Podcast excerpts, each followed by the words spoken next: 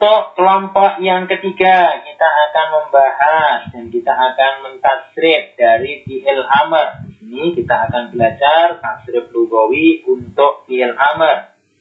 Baik. Nah, untuk fi'il amr dia hanya terdiri dari golongan mukhatab, mukhatab dan mukhatabah orang kedua. Karena namanya saja fi'il amr, orang yang diperintah ya tentunya dia ada di hadapan kita. Jadi dia hanya diperuntukkan untuk mukhatab. Jadi tafsirnya yang akan kita pelajari nanti untuk mukhatab saja. Atau kelompok orang yang kedua. Baik kedua laki-laki maupun kedua orang kedua yang berjenis perempuan. Baik, saya akan tasrif, diperhatikan. Uktub, uktuba,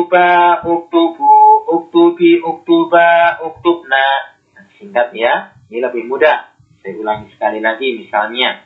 Uktub, uktuba, uktubu, uktubi, uktuba, uktubna.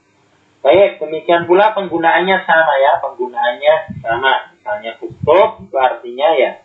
Wahai seorang laki-laki, tulislah. Ya, demikian pula untuk fiil-fiil yang lain. Silahkan untuk dicoba sendiri.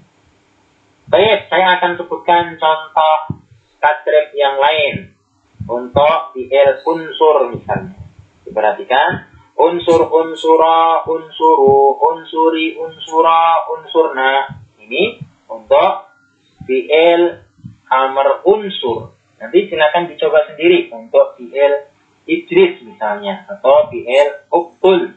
Kemudian isyraf. Nanti dicoba sendiri.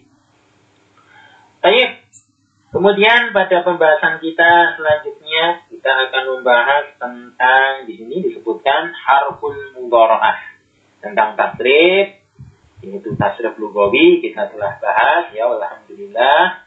Dan ini tinggal dihafal saja dilatih ya semakin banyak latihan insya Allah semakin lancar ya semakin lancar